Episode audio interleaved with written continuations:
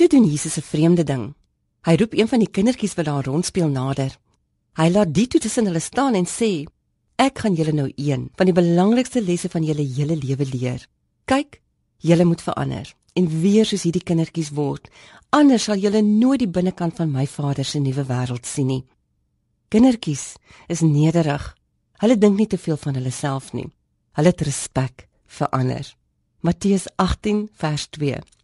Op 'n dag weet jy in jou gees, niks kan hierna ooit werklik weer dieselfde wees nie. Want jou nuwe een wees met Jesus het jou onteenseglik verander.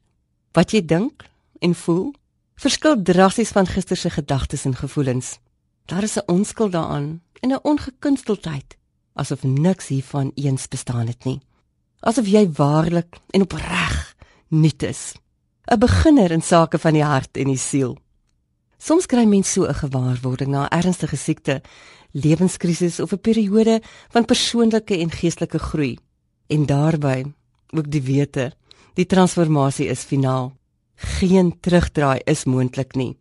Die eerste stap is om te aanvaar dat Jesus se nabyheid jou so radikaal vernuwe het dat niks van die oue meer saak maak nie. Jy die ou self afgesterf daarmee saam alles wat geen bydra tot jou eenwees met Jesus maak nie. Dit bring 'n soort verligting en 'n verwagting van iets goeds wat jou voete wegdraai van uitgetrapte paadjies. Dalk was dit nie 'n aardverskuivende oomblik gewees na 'n groot gebeurtenis in jou hart, gemoed en gees nie. Dalk is dit die stil verloop van tyd wat op 'n dag net alles in plek laat val om terug te kyk na 'n dag wat alles in en om jou danksy een wees met Jesus verander het, is 'n viering van nuwe lewe.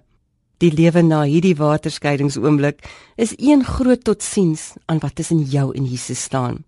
Dit is 'n bevrydende oomblik wat jou nuwe geestelike waagstukke met Jesus laat aanpak en geloofspronge laat maak.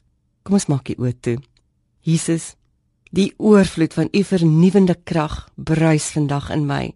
Herskep my, Heer, tot u eer. Amen.